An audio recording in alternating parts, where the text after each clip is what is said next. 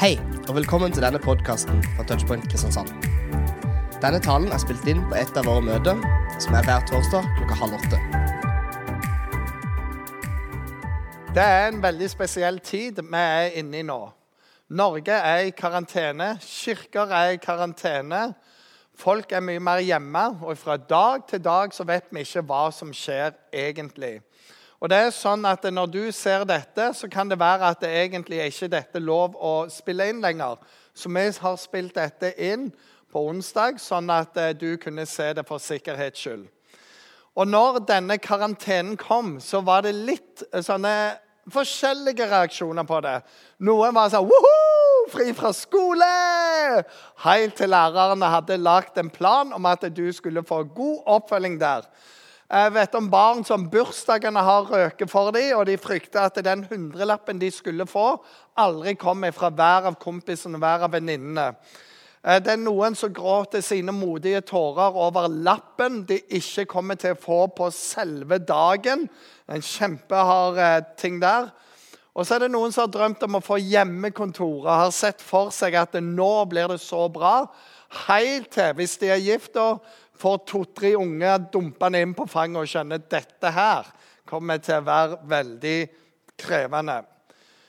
Så er det mange av mine venner som har eh, fått sine reiser ødelagt. De har vært rundt omkring i verden, blitt kalt hjem, eller de skulle til å reise, og så er bare alt kansellert. Men det er òg mange ting som har vært mye verre enn dette, og som er mye mer alvorlig enn de tingene jeg har nevnt nå. Helsemessig så vet vi ikke hva vi står overfor. Vi bare ser fra Italia spesielt at det er ganske så mye. Økonomisk vet vi ikke konsekvenser ennå. Dette er dyrt. Mange vil miste sin business, miste sin jobb. Ting kommer til å endre seg. Og så er det denne usikkerheten i det hele tatt. Og isolasjonen. Vi skal sitte hjemme, vi skal ikke være med folk. Og det kan tære på for utrolig mange. Ingen vet hva morgendagen bringer med seg. Men det vi vet, det er at Gud har kontroll. Det er ikke sånn at Gud bare satt og fulgte med på et eller annet, og så plutselig Hæ, det kom et virus her. Gud har kontroll, og han har kontroll nå òg. Og det er noe av dette med å være kristen. Det er at det er annerledes. Vi har alltid troen, håpet og kjærligheten. Og dette håpet og vissheten som vi kan ha med oss nå, det er utrolig godt. Vi sitter rundt omkring på en måte med stengte dører. Det skal ikke inn noen eh, i huset. Det er stengte dører overalt, og flere og flere butikker stenger dører. Og så kan en tenke at det er stengt. Det betyr tomt. Det betyr avstengt. Men sånn er det heller ikke med Gud. Når vi blar i Bibelen, så kommer vi til en bok som heter Apostelens gjerninger. Og Der leser vi om Jesus som hadde reist til himmelen, og gjengen hans satt igjen. De som kalles disipler. De satt igjen. De var i frykt, og de frykta at folk skulle finne dem og drepe dem, som de hadde gjort med Jesus. Så de hadde låst alle dører, og så satt de og ber. Og De ba og de ba. Og plutselig, mens de sitter og ber, så hører de bare lyden av en vind som kommer inn i et rom som ingen vind kan komme inn i. Og Plutselig så ser de tunge like som han vil, bare spre seg rundt, sette seg på hodet på hver av dem, og de begynner å snakke i nye tungemål. Og de går ifra å være i total frykt til rett over i total frimodighet. De løper ut på gatene og forkynner evangeliet om Jesus. Og den dagen kommer det 3000 til tro på Jesus. Stengte dører betyr ikke at evangeliet er stengt. Stengte dører betyr ikke at Gud ikke kan virke. Og Det trenger vi å minnes om i denne situasjonen. Så la oss åpne våre hjerter. La Gud få lov å fylle oss. La Gud få lov å inspirere oss i denne situasjonen. Bibelen er full av sånne historier. Og Samtidig så er det en krevende situasjon for alle og enhver. Og I løpet av denne talen så vil jeg ta det med til tre ting som eh, kan være viktig å få med seg. Og Den første det er det å takle frykt. Det er vanskelig å vite hva som skjer i morgen. Ingen vet. Vi må vente på nyhetene, og så ser vi hva som skjer. Og det i seg sjøl skaper frykt, for en lager seg scenarioer.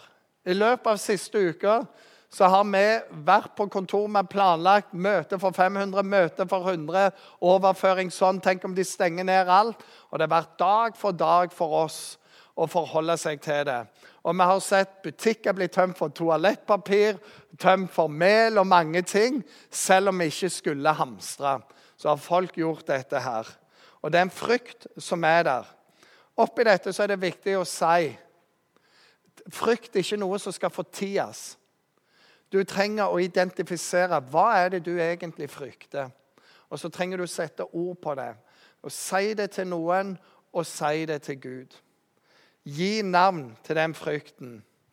Men så skal vi ikke være drevet av frykten, og vi skal ikke heller bli paranoide av det eller paralyserte av det.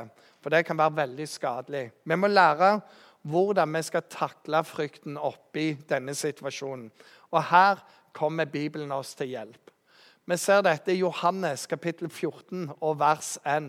Der står det La ikke hjertet bli grepet av angst. Jesus sier, tro på Gud og tro på meg. Og Dette sier han til gjengen sin rett før han skal til himmelen. Og De frykter hva som skal skje. De skjønner at noe er i ferde, men de aner ikke hva. Usikkerheten er tatt i. Jesus sagt, 'Jeg kommer til å bli tatt ifra dere nå.' Og de bare sier, 'Nei, Jesus, dette kan ikke det, må ikke skje. Det er helt der. Og så sier han dette. La ikke hjertet bli grepet av angst. Tro på Gud og tro på meg. Og så kan du lese ned gjennom det kapittelet. Det er utrolig mye av den dialogen. Og langt nede i dialogen så kommer dette verset. Fred etterlater jeg dere. Min fred gir jeg dere. Ikke den fred som verden gir.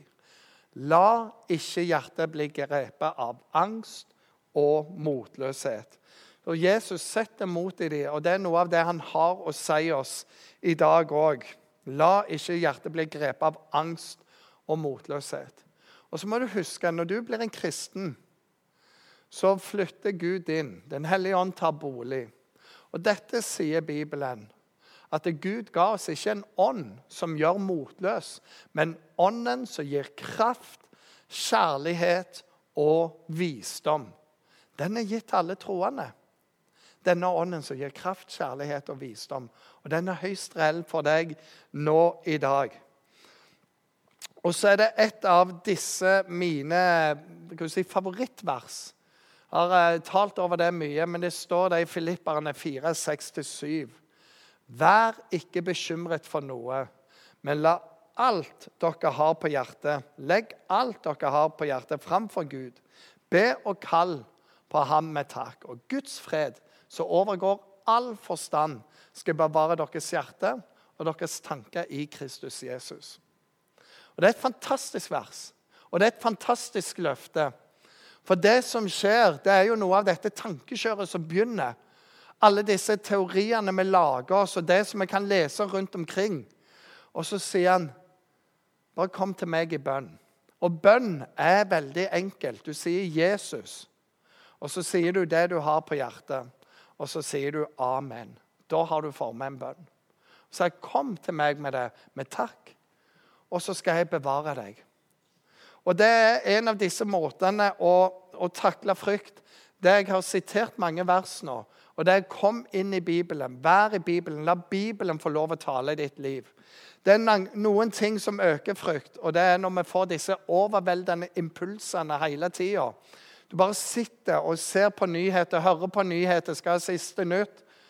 Og så er du der. Det, det, for, det, gir bare mer og mer av frykten. Det var en som sa det sånn at det, den første gode samtalen du har hver dag, den har en tendens til å varme deg resten av dagen. Derfor sier vi begynn dagen med Gud. Begynn dagen med Gud, for det er med å forme tankene dine. La, la Guds ord synke inn. Pust. Ro deg ned, og så har du det med. Nyheter du trenger to ganger til dagen. Hva har skjedd siden i går og på kvelden? Hva, hva skjer nå? That's it. Du trenger ikke mer av det.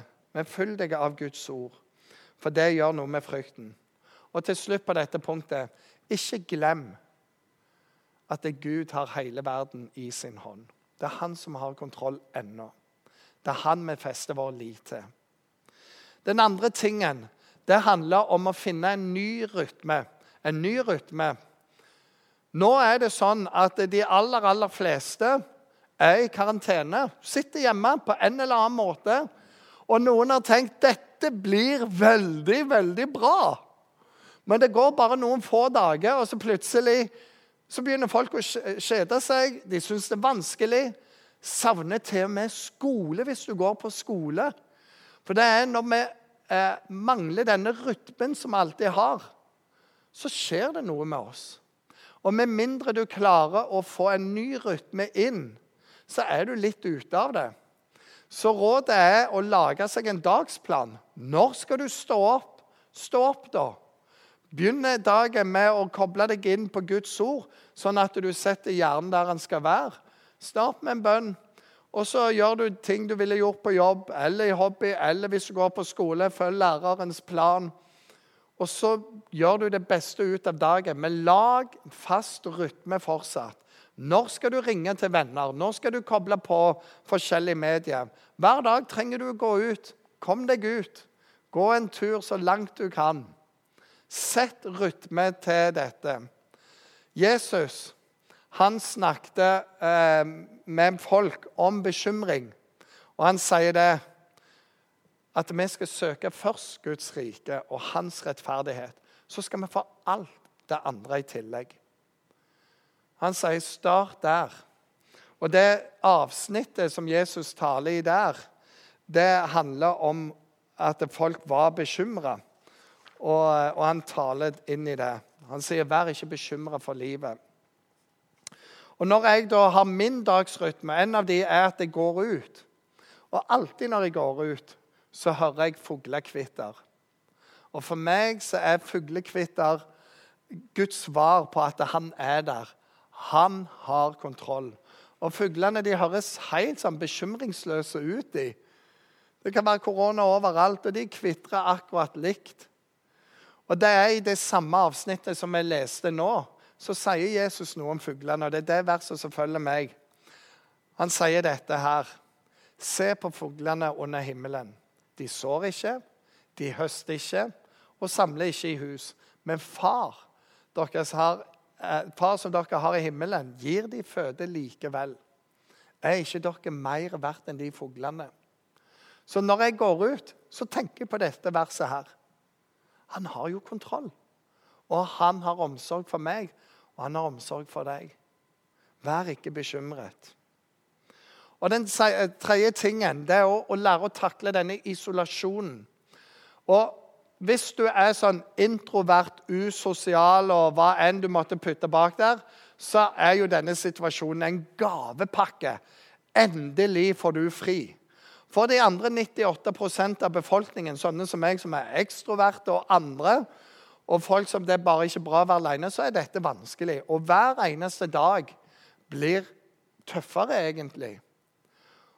Petter Uteligger han fortalte nå nettopp i et intervju han har gjort en ny serie. Han satt i fengsel i 30 dager. Og når han hadde sittet der noen dager, så kom fengselsbetjentene og spurte han, går det bra med deg. Klarer du dette her? Han ble litt sånn Ja, ja, det går jo bra. For han visste han var ikke fengsla for noe han hadde gjort galt. Han var fengsla for å finne ut hvordan det var å være i fengsel. Han skulle ut etter 30 dager. Men til slutt så forstår han at de har fanga opp at noe er galt. Så han spør dem, 'Hvorfor spør dere?' Og de svarer han, 'Nei, vi ser du er annerledes'. Og så begynte han å tenke. Og de sa noe, og han tenkte noe. Korttidshukommelsen funka ikke sånn som han var før. Han sov dårligere på nettene. Han sov to-tre timer. Så våkna han litt, og så sovna han litt. Og det skjedde mye forandring. Fengselslivet tærte på ham veldig fort. Var vant med bare å forholde seg til ordre og ikke tenke sjøl. Og han sa det var noe som tok over der. Isolasjon gjør noe med oss.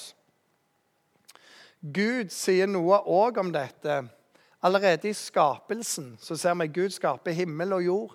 Han fyller jorda, Og så skaper han Adam. Og Adam og Gud er der, og de har det veldig bra. Men Gud ser at eh, selv denne relasjonen med han Vi sier av og til bare jeg har Jesus, så har jeg alt. Så stemmer det ikke helt. For Gud sier dette. Det er ikke godt for mannen å være alene. Jeg vil lage en hjelper av samme slag.